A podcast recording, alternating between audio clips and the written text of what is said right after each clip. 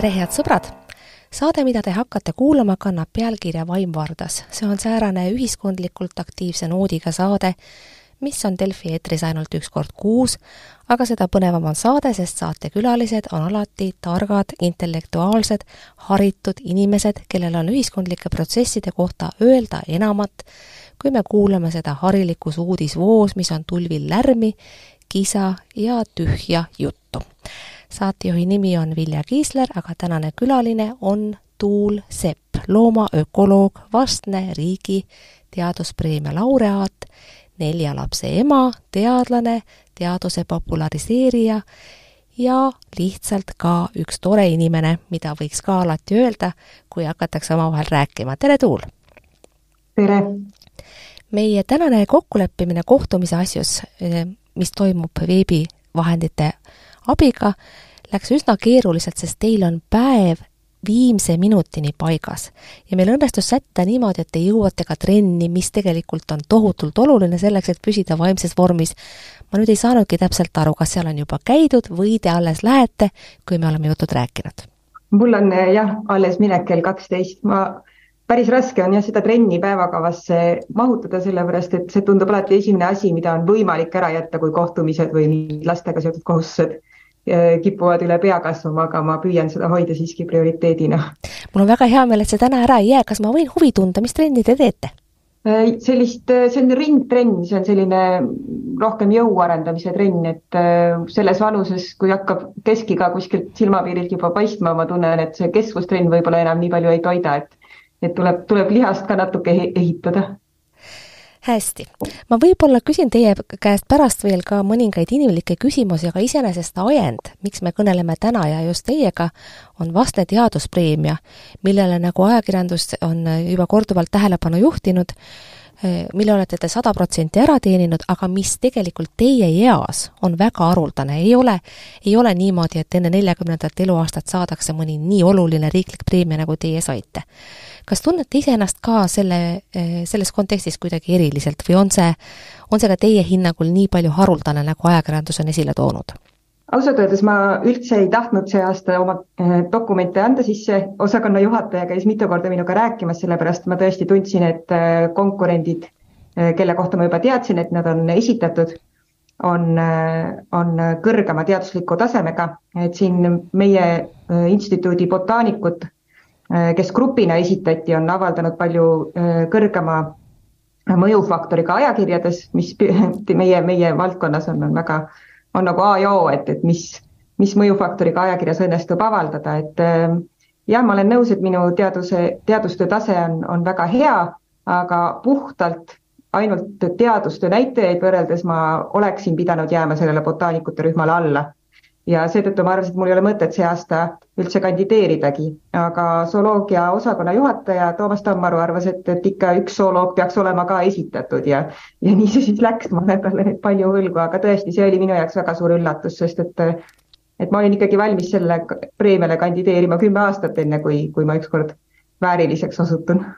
mul on väga hea meel, et te selle preemia saite, kuigi ausalt öeldes selle pealkiri tekitab minus küsimusi, et mida on sellel teemal võimalik siis nii väga uut ja põhjapanevat öelda. inimtekkelised keskkonnamuutused ja vabalt elavate loomade tervis. võiks ju olla täitsa selge, et inimtekkelised muutused põhjustavad äh, loomadele kannatusi ja et kui neid peetakse vabalt, siis nende elu on parem, mida siin teaduslikult uurida?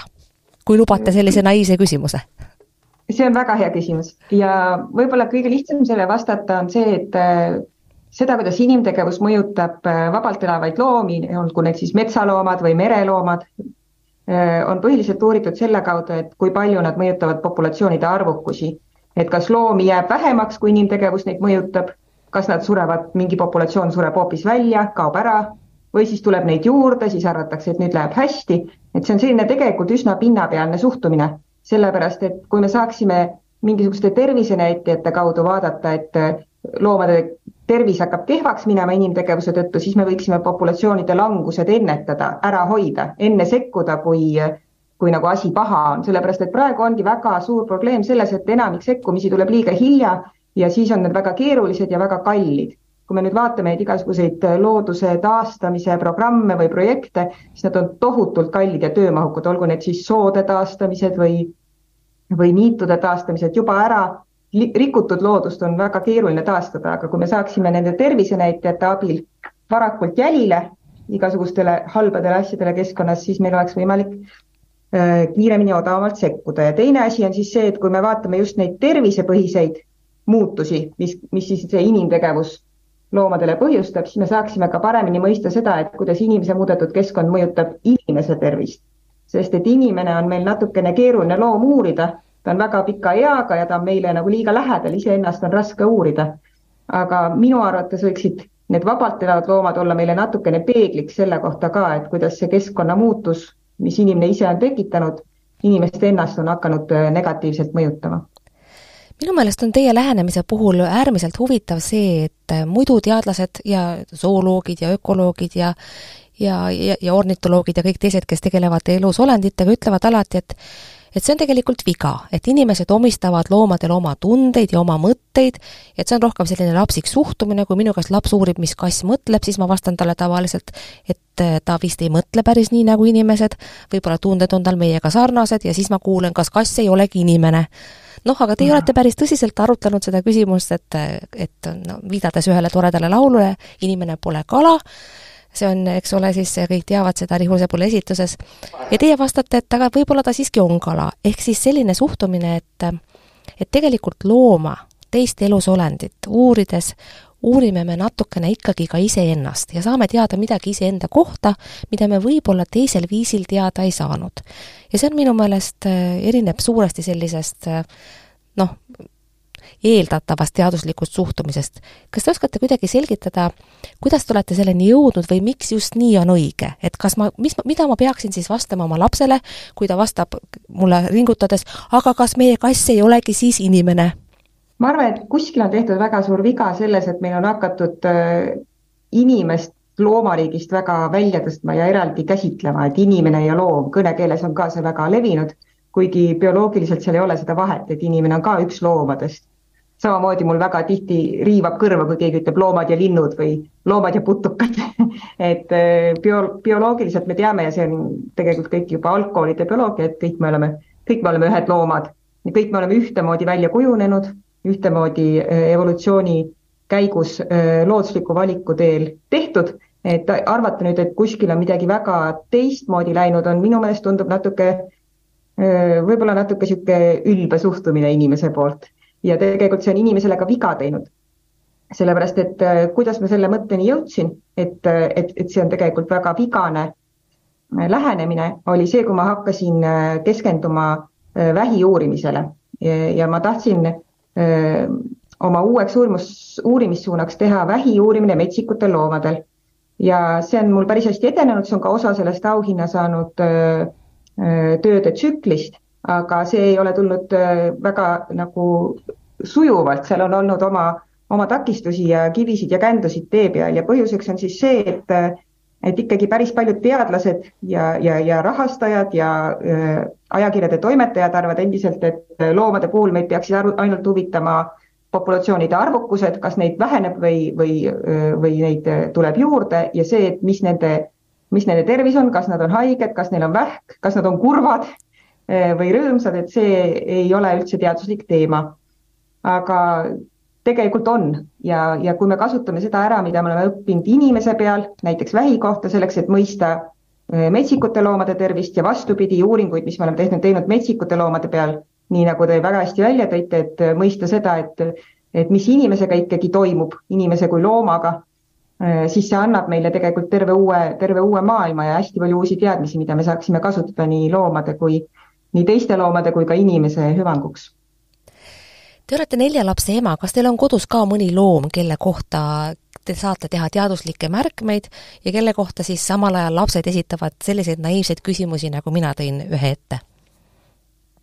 E, koduloomi meil ei ole, e, aga minu meelest väikesed lapsed ise on väga huvitavad uurimisobjektid, sellepärast et et nende käitumist on, on nüüd selline kasvatus ja, ja, ja ütleme, kultuur vähem mõjutanud, et nad on hästi lähedal sellele, et milline inimene siis looduses äh, võikski olla. ja, ja seda ma teen küll, et ma vaatlen oma lapsi hästi palju kõrvalt ja näiteks saan aru, et kui, äh, kui pisikene, kõige noorem on, on armukade siis äh, vanusest järgmise osas, siis see on täiesti põhjendatud bioloogiliselt, sellepärast et looduses on nad omavahel olnud suured konkurendid, äh, konkureerinud samadele ressurssidele. Ja see võib olla elu ja surma küsimus, et, et vend ei saa rohkem äh, kommi kui, kui tema, eks ole, et et laste peal saab väga hästi teha teaduslikke vaatlusi ja, ja seda on kas või näiteks, kui lugeda Jaan Aru raamatuid, siis tema vaatleb ka kogu aeg oma lapsi kui, kui huvitavaid uurimisobjekte, et ma olen vaadanud, et see koduloomade teema praegu lihtsalt ei, ei mahu minu ellu, et lapsed kindlasti tahaksid, aga, aga see takistab reisimist ja, ja see oh, teeb lihtsalt tööd juurde, milleks mul ei ole igapäevaelus aega ja mahti täiesti arusaadav, ma tahaksin teiega jõuda ühiskondlike teemadeni kohe, aga kui me nüüd sattusime laste juurde, siis äh, tahaksin ma küsida teie käest seda, mis mul teie kirjutisi lugedes ja teie kohta kirjutatud märgates on alati, alati kuidagi peas kõlksunud. et mul on tunne, parandage mind, kui ma eksin, aga et teid nagu ekspluateeritakse sellise representatiivse näitena naisest, teadlasest, emast. ja siis teid käsitletakse ka ennast justkui nagu mingit haruldast looma, sest ega teadlane ei saa ju olla naine. ja ega, ega kuulus teadlane ei saa ammugi olla naine. ja kuidas siis saab veel olla, et teadlasel on lapsed, kui ta on ka veel naine ja koguni lausa neli last. ja mul on tunne, et seda teie kujand, kuvandit kuidagi ekspluateeritakse natukene ülearu ka, sest äh, teatavas mõttes võiks see ju teha kahju nii teile isikuna kui ka teaduse renomeele, sest miks peaks seda käsitlema nii tohutumalt suure erandina? ehk siis küsimus oleks, kuidas te tunnete iseennast selle haruldase loomana, nagu teid esitletakse kogu aeg? ja ma ei, alati jah, ei, ei tunne mugavalt ennast selles, selles rollis, aga teiselt poolt mõnikord mul on tunne, et, et et see annab, annab jõudu nendele noortele teadlastele, kes, kes püüavad nagu panna klappima pere ja, pere ja teadustööd, et eilegi meil siin üks dok-, doktori kaitsmine oli ja, ja pärast tuli doktorant ja ütles, et et jah, et mul oli vahepeal raske siin oma kahe lapsega, aga siis ma mõtlesin, et näed, Tuulel on ju neli. aga noh, sellised võrdlused on, on ka ebaõiglased, sellepärast et kõigil ei ole sellist toetussüsteemi, nagu minul on olnud, et mul on äh, näiteks järeldoktorantuuri ajal mu abikaasa äh, katkestas enda doktorantuuri, et tulla minuga kaasa äh, järeldoktorantuuri Ameerikasse kaheks aastaks ja, ja olla kodus toeks lastega. ja mul on ka olnud kogu aeg võimalik päris palju oma ema lapsehoidjana kasutada ja, ja samuti minu abikaasa ema. et, et see on täiesti ebaõiglane, kui nüüd keegi, kellel ei ole sellist tugisüsteemi, tuleb, tuleb ennast võrdlema sellega, et, et, et tuul ju saab, kuidas siis mina ei saa et ma arvan, et see ongi see, mida ma tahaksin rõhutada, on see, et see tugisüsteem on, on täiesti määrava tähtsusega ja võib-olla tähtsustatakse liiga palju üle nüüd seda ema enda tublidust selle koha peal. et äh, üks, üks nüüd tekst, millest võib-olla see meie jutuajamine ka mingil määral tõukus, on, on siis see, kus ma kirjutasin, et, et noortele emadele või noortele üldse noore, noortele lapsevanematele oleks, oleks vaja sellist, sellist tugisüsteemi mis võimaldaks neil väikeste laste kõrvalt kas või, kas või mõneks tunniks päevas käia,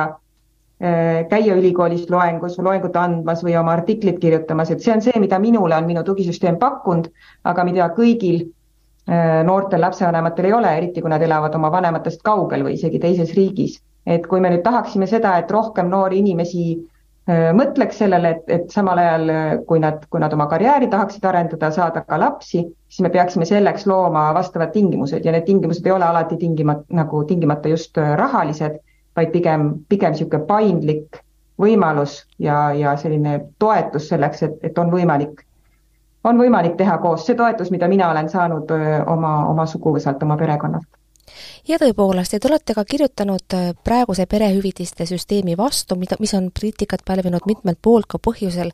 et esimene ja teine laps on justkui vähem väärt riigi silmis ja väärtustama hakatakse siis kolmandate ja enamate laste sündi. aga teil nelja lapse emana iseenesest oleks sellest süsteemist ju kasu, samas olete te viidanud, et teile selline, sedasorti toetamine ei meeldi, kuivõrd, nagu te ka praegu alles äsja kõnelesite, enim vajab ema ja lapsevanem aega. Aga aeg on midagi säärast, mida riik ju anda ei saa. ehk siis missugune oleks teie meelest see ideaalne süsteem, kui praegune isamaaline perehüvitiste kompensatsioonide mehhanism teie meelest hästi ei toimi? no minu meelest ideaalne me mehhanism oleks see, kus oleks tagatud siis näiteks võimalus ülikoolide juures oma laps viia paariks tunniks tasuta lapsehoidu ja see lapsehoid peaks võtma vastu ka, ka päris beebisid ja, ja ma ei ütle, et, et peaks viima nüüd beebi hommikust õhtuni lastehoidu, nii nagu näiteks Ameerikas või, või Prantsusmaal või, või paljudes muudes riikides tehakse. ma olen nõus, et see ei ole hea ei emale ega beebile. aga see, kui beebi paar tundi magab kuskil või mängib kuskil hoius, ma arvan, et see, see on selline mm, kompromiss, millega, millega äkki, äkki oleks äh, võimalik panna klappima siis nii ema kui, kui ka lapse huvid. Sellepärast ma olen seda ka välja toonud, et et bioloogias on meil selline mõiste nagu vanemajärglase konflikt, mis tähendab seda, et laps tahab alati vanemalt rohkem, kui vanemal anda on ja vanem peab alati hoidma natukene tagasi selle, selleks, mitte anda, anda lapsele kõike, mis tal ressursside mõttes on või energia mõttes, sest et tal on ka enda peale vaja mõelda ja teiste järglaste peale vaja mõelda. et kui me nüüd oleme nagu kogu selle lapsekasvatuse ehitanud üles sellele, et mis on lapsele parim siis me jätame arvestamata selle, et see vanemajärglase konflikt on endiselt väga,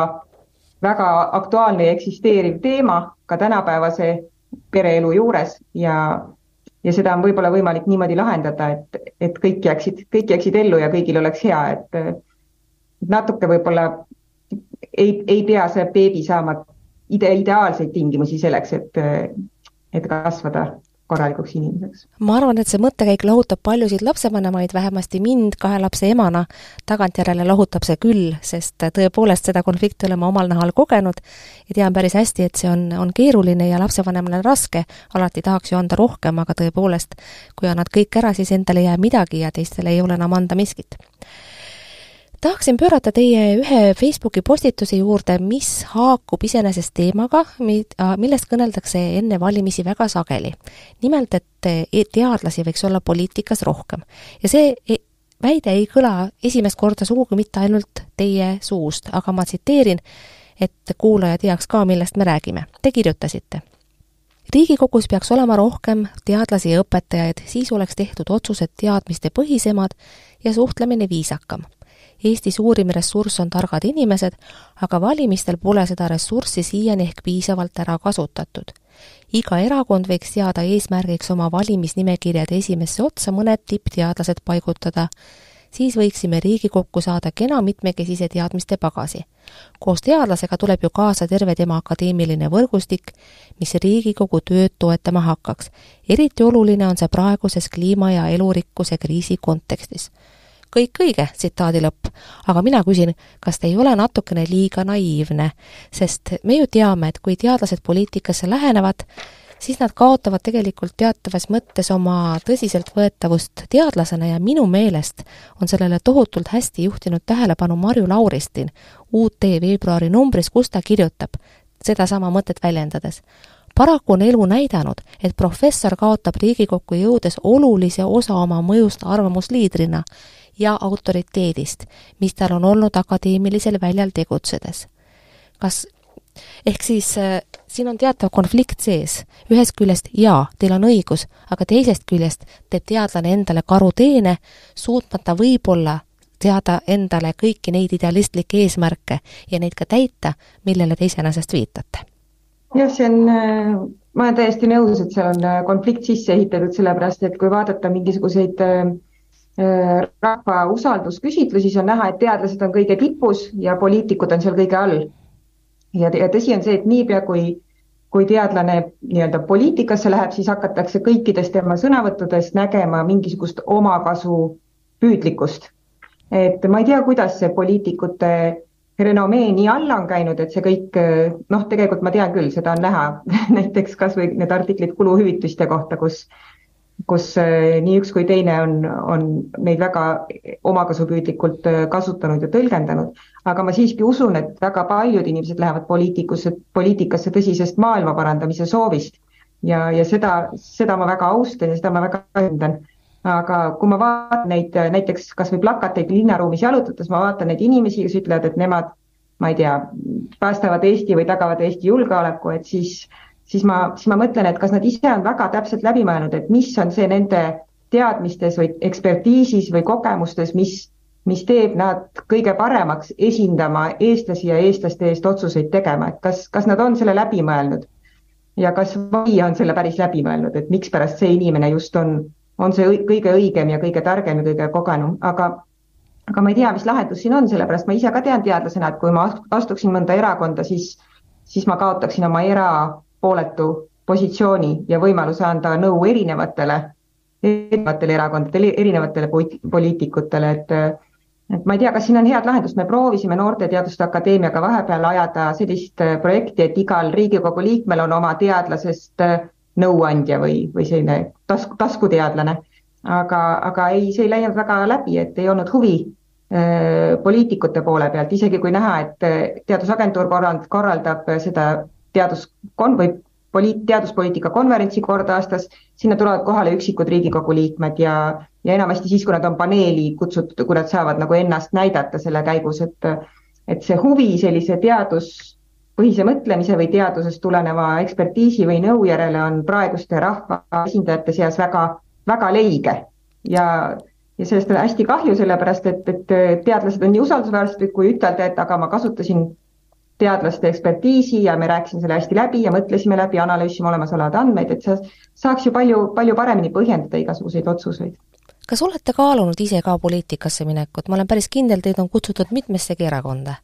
ma olin tegelikult korraks mõned kuud Elurikkuse Erakonnas, kui see loodi, sellepärast et äh, alguses see mõte, millega, mille nad välja käisid, oli see, et äh, teaduspõhiselt keskkonna, kes, keskkonna kaitseks. ja see tundus minu, mulle täpselt see kõige õigem lähenemine ja ma tahtsin aidata neil see viissada liiget täis saada, millega erakond asutada, mul ei olnudki plaanis sinna pikemalt jääda, sest mul selleks lihtsalt ma tunnen, et kui ma ei suuda pühenduda sada protsenti või, või, või vähemalt viiskümmend protsenti, et siis mul ei ole Äh, siis oleks see nagu enese ja, ja teiste inimeste petmine, kui ma seal lihtsalt nimena oleksin. aga, aga kahjuks see Elurikkuse Erakond läks, läks äh, aja edenedes järjest teaduskaugemaks ja ma tean, et ma oleksin võinud seda muuta, kui ma ise oleksin sada protsenti sinna jälle pühendunud. aga seda võimalust mul ei olnud, nii et ma astusin sealt äh, üsna kiiresti välja ja, ja pärast seda jah, ma ei ole, ma olen mõelnud, et et ma võiksin proovida, kui mul oleks, kui mul oleks aega toetada roheliste jõudmist Riigikokku, aga seal on ka jälle nii palju mitteteaduspõhist lähenemist, et, et noh, siis peab kõvasti tööd tegema, et see asi, et see asi muuta selliseks, et see oleks, oleks ka teadlaste jaoks tõsiseltvõetav, tõsiseltvõetav lähenemine. Pealegi nimetatud erakondade toetusega on lood erakordselt kehvad, elurikkuse erakonnal see vist üle nulli ei olegi tõusnud ja ega rohelistel ei ole ka läinud hästi, mis on tegelikult hämmastav,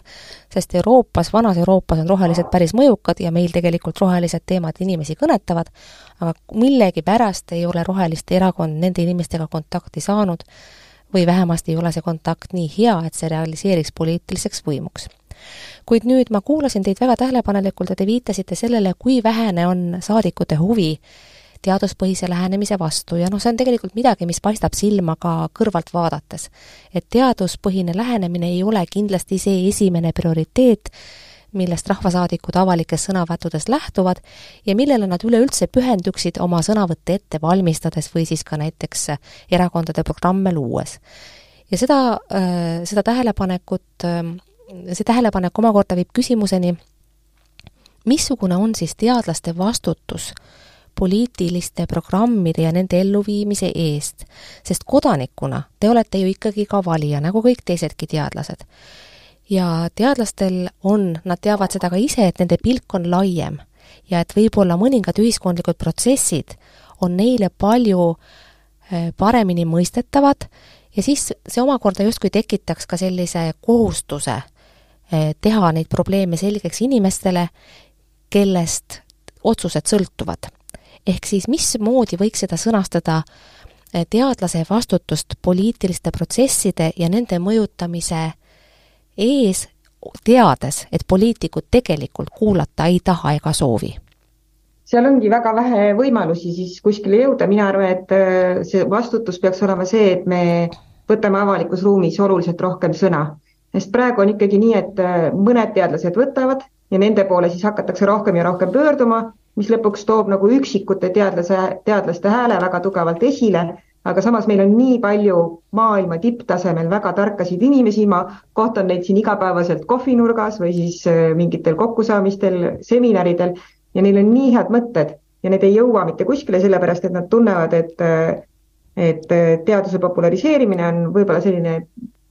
pehme töö ja aja raiskamine ja niikuinii ei kuulda, ei võeta, et et teadusest rääkimine ja teadustulemustest hästi rääkimine peaks olema see mida teadlased äh, tõsisemalt võtavad. et üks asi, mis mind võib-olla ongi ka nagu häirima jäänud, millest ma ei ole veel kuskile jõudnud kirjutada ega sõna võtta, on see, et mõnikord käsitletakse teadlasi nagu huvigruppi, et nad on üks huvigrupp paljude hulgast, aga see on, see on minu meelest väga ekslik, sellepärast et äh, teadlastel ei ole mingit huvi nagu ütleme ka kasvõi mingites looduskaitselistes küsimustes, neil ei ole mingit isiklikku kasu sellest, et me, et me näiteks metsa raiume või puisniitusid taastame, et see on, see on lihtsalt, mida me teame, et see on õige, põhinedes andmetel, põhinedes teadmistel. et äh, see või nagu, kui me, kui teadlasi käsitletakse huvigrupina, siis see tegelikult on täielik potentsiaali raiskamine, sellepärast et meid saaks käsitleda erapooletu ekspertiisina, mis annaks, annaks palju tugevama võimaluse midagi, midagi päriselt muuta, sellepärast et teaduspõhiselt sa tead ka, et kui sa mingit asja teed, asja A teed, siis, siis asi B suure tõenäosusega juhtub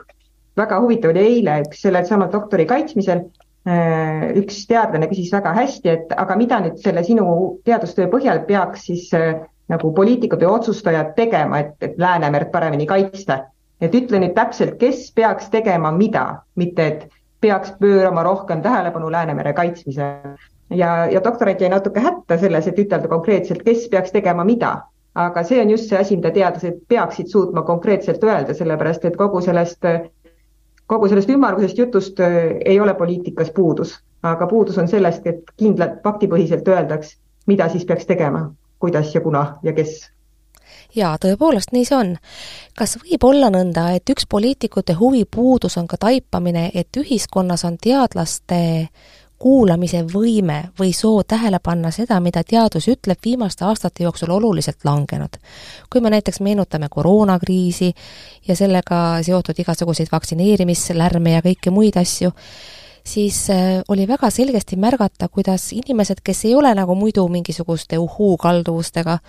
hakkasid äkki kahtlema selles, mida teadlased ütlevad ja võib-olla nad on kinni makstud ja noh, ma ei räägi täiesti äärmuslastest, eks ole, kes on alati olemas olnud kes aga viimastel aastatel ja just selle pandeemia taustal on saanud kuidagi rohkem ruumi avalikus ruumis ja noh, kindlasti on siin ka ajakirjandusel oma vastutus. aga, aga, aga millest see iseenesest tuleb peale selle konkreetse viidatud pandeemia, et ka selline inimeste ja, ja avalik huvi teaduse mõjukuse vastu on kuidagi kahanenud? vot ma ise ei oska öelda, kas ta on kahanenud, sellepärast et, et vähemalt teadlaste poolt on küll näha, et, et teadlased üritavad rohkem, aga võib-olla see rohkem üritamine tulebki selle, sellepärast, et, et teiselt poolt on, on huvi langus olnud, võib-olla see on huvitav, huvitav punkt, aga jah, see koroonakriis natukene ühelt poolt ta näitas, et teadus töötab, eks ole, eh, vaktsiinid mõjusid ja samamoodi näitas see koroonakriis väga hästi seda, et, et teaduses võivad eh, teadmised muutuda sõltuvalt sellest, kuidas andmeid juurde tuleb, et võivad ütelda, et hästi, ma arvasin eel, eelnevate andmete põhjal nii, aga nüüd on meil paremad andmed kättesaadavad ja nüüd ma arvan niimoodi. et see on tegelikult väga hea mudel ja näide selle kohta, et kuidas teadus töötab ja teaduses sul, sa võid eksida, sa võid ütelda, et mul ei olnud piisavalt andmeid ja nüüd, nüüd mul on paremad andmed ja, ja see on täitsa okei okay., aga poliitikas ma ei tea, kas sul on lubatud nagu eksida, ütelda, et ma, ma ei teadnud enne, nüüd ma tean poliitikas on kombeks nõnda, et eksitakse, võib-olla valetataksegi teadlikult, aga ei paluta kunagi vabandust, kunagi ei öelda, et ma eksisin. jah, et äh, teadus niimoodi lihtsalt töötab, et äh, sa saad teha järeldused olemasolevate andmete põhjal ja kui sul on vaja kiiresti teha järelduse ja andmed ei ole väga head, siis äh, suure tõenäosusega sa võib-olla kõige optimaalsemat või kõige paremat lahendust ei oska sel hetkel öelda. aga, aga kokkuvõttes ma arvan, et teadusest noh, kahtlemata oli väga palju abi koroonakriisist ülesaamisel. aga mul on ka hea meel, et need andmed, mis pärast kogunesid, näitasid, et see koroona ikkagi nii ohtlik ei olnud, kui me alguses arvasime, vähemalt äh, nooremates äh, vanusegruppides äh, see suremus, mis, mis noorte hulgas nägime, oli, oli väga madal, aga, aga samal ajal näitas see väga hästi ka sellist evolutsioonibioloogilist protsessi, kus viirus muteerub ajaga vähem ohtlikuks. Ja, ja see on ka asi, mida ma oma loengutes olen, olen päris palju käsitlenud ja see on väga tore, et see, et see päris nii-öelda päris maailmas ka väga ilusasti välja tuli, et mul on siin oma ainetes õpetamiseks päris palju huvitavat materjali. Tõepoolest, nii see oli. lõpetuseks, see ei ole nüüd küll vastus või küsimus, mis nõuaks lühikest vastust, aga ma, ma väga sooviksin, et see arutelu meie saatesse siiski mahuks see on siis laiemalt võttes teadlaste vastutus maailma saatuse eest, kui niimoodi pidulikult sõnastada. mida ma pean silmas, no võtame näiteks äh, tuumaenergia, mis on äh, ju meile kasulik, kui me suudame seda turvaliselt kasutada. aga põhimõtteliselt sama või sarnane tehnoloogia võimaldab arendada ka tuumapommi näiteks. ja noh, selliseid näiteid võib tuua veelgi teisi et eh, noh, me teame, et, et, et näiteks eh, tuuma, tuumapommi arendajad, tead-, seal olid ju ka teadus kaasatud, eks ole, on tundnud tohutuid süümepiinu selle eest, mis toimus Hiroshimas ja Nagasakis, ja noh, me praegu tunneme ju eh, Ukraina, Vene-Ukraina sõja taustal, kui väga see oht puutub ka meisse. ehk siis laiemalt, et milles seisneb mm, teadlase vastutus maailma saatuse eest selles mõttes, et teaduse saavutusi on võimalik kasutada nii heades kui ka halbades eesmärkides. ja ma arvan, et üks teine valdkond, milles see küsimus on äärmiselt relevantne, on kindlasti kliima, keskkond ja sellega seotud poliitika. kuidas te seda äh, arutelu arendaksite, palun? mulle tundub, et, et selle hirmus, et midagi väärkasutatakse, olgu see siis mingi teadmine või fakt või tehnoloogiline lahendus, äh, asja tegemata jätta, oleks, oleks või, või ütleme, avastust avaldamata või, või uurimistulemust kajastamata jätta, oleks minu meelest vale. et äh, see, me, me hoiame sellega teaduse arengut tagasi. et kui probleem on väärkasutuses, siis minu meelest tuleks tegeleda selle väärkasutuse probleemiga, mitte avastuse enda allasurumise või teadmiste enda peitmisega. et äh, see on tegelikult asi, mis on,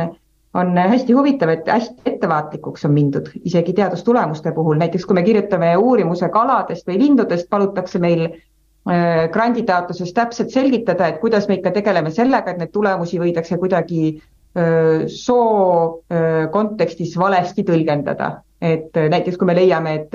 ma ei tea, emased kajakad olid, osavamad pesa ehitamisel kui isased kajakad, et kas me, kas seda saadakse tõlgendada niimoodi, et, et mehed on lollimad kui naised, noh, et me peame seda kirjeldama grandis, et, et me, et sellist ohtu vält-, välditaks. see on päris reaalne näide, see on ju nii absurdne, ma kuulan teid ja mul kukuvad silmad imestusest peast ära, päriselt ka? Äh, absoluutselt, mul just eelmine nädal üks järeldoktorant äh, sai grandi taotlusele eitava vastuse, sellepärast oli kirjutatud, et ei ole piisavalt lahti kirjutatud see soopõhise tõlgendamise risk, et see oli kajastatud tema taotluses, aga see polnud veel piisavalt detailselt lahti kirjutatud ja sellepärast äh, võeti nii palju punkte maha, et, et projekt jäi ilma rahastuseta, et see on, see on, mõnevõrra on see nagu päris, päris absurdini välja võib minna et äh, samamoodi, et, et see hirm, et mingisugust äh, tehnoloogiat, mis võiks meie maailma paremaks muuta, me ei arenda sellepärast, et äkki kasutatakse valesti, et, et see on ju tobe, et äkki me lihtsalt ei kasuta valesti või tegeleme sellega, et ei kasutataks valesti, et see, et see fookus, kus kohta me peame nagu oma tähelepanu panema selleks, et väärkasutust ei tekiks, peaks olema nagu teadusest üks samm edasi, sellepärast et teadus peaks olema see erapooletu ekspertiis, mis, mis saab oma asja ära teha, ilma et ilma et mingisugused äh, tõlgendus- või väärkasutushirmud seda, seda pidurdaksid, et see, see on tegelikult, äh, tegelikult päris, päris kurb, kui nii, kui nii läheb. Hästi, aga võtame siis nagu positiivses mõttes, mitte tingimata väärkasutuse mõttes, vaid selles, et äh, noh, ütleme niimoodi, et teaduse võimuses iseenesest on ju nii-öelda maailma päästa, kui väga lihtsustatult öelda. ja kui inimesed kuulaksid selles samas kliimavaldkonnas, mida teadlased ütlevad, siis me ei oleks omadega seal, kus me oleme aga, aga, aga ei kuula. et eh, milles võiks siis positiivses mõttes väljenduda ja paremini, senisest paremini toimida see teaduse nii-öelda maailma päästmise missioon, mis, mis iseenesest ju kogu aeg on käimas, aga teatavate just nimelt huvigruppide ja poliitikute vastuseisu tõttu on pidevalt pidurdatud ja selline natukene vastuseina jooksmine ma arvan, et siin on vaja nagu sellist keskpõrandale kokkutulemist mõlemalt poolt, et teadlased eh, vähem omaette kohvinurgas eh, nuriseks rohkem avalikkusega suhtleksid, julgemalt avalikkusega suhtleksid, ennast rohkem väljapoole näitaksid, õpiksid seda, kuidas avalikkusega suhe, suhtud, suhelda, see on minu jaoks ka väga oluline teema, sellepärast et äh, ma olen praegu ühes projektis, kus me tahame linnaloodust paremaks muuta. Ja meil on kaasatud sotsiaalteadlased, kes õpetavad meile, kuidas me peaksime tegelikult suhtuma, et me ei lähe niimoodi, et me läheme ja hakkame inimesele loengu pidama, et mida ta, mida ta peaks tahtma või kuidas ta peaks elama. Meile õpetatakse, et me peame küsima, et mida nemad tahavad, mis nende küsimused, mis nende murekohad on, et esimese asjana me kuulaksime, ei hakkaks kohe nagu kirvega muret lahendama, vaid, vaid kõigepealt prooviksime, prooviksime leida sellise ühise, ühise pinna ja sealt, sealt hakata vaikselt hargnema ja arutama, et et ka teadlased ise peaksid äh, õppima ja arendama oma oskust äh, avalikkusega suhelda ja, ja, ja seda maailma parandada ka muud moodi kui lihtsalt nende, nende võib-olla mingil määral tuimade faktidega peale lennata. Tuul Sepp, minu meelest teie ise olete selle võimekuse äh, supernäide ja kui kõik teadlased suudaksid kõnelda nii arusaadavalt, lihtsalt ja inimlikult kõigest sellest, mida nad teevad ja mida nad uurivad, siis ma usun, et teadlasi mõistetaks palju paremini, kui, kui see seis meil praegu on. tänan teid südamlikult selle jutuajamise eest, ma loodan, et te jõuate trenni, jõuate kõikidele koosolekutele ja et ka lastel on täna olemas tund aega nende ema, kes ei, kellel ei ole kohustust ega isegi õigust anda ennast iga päev kõik, sest muidu saab varsti otsa tänan teid selle vestluse eest, Tuul Sepp, saatejuht oli Vilja Kiisler ja saade, mida te kuulasite, head sõbrad, oli Vaim Vardas. järgmine saade on eetris juba umbes kuu aja pärast, kuulake siis jälle, aitäh, kuulmiseni ja nägemiseni!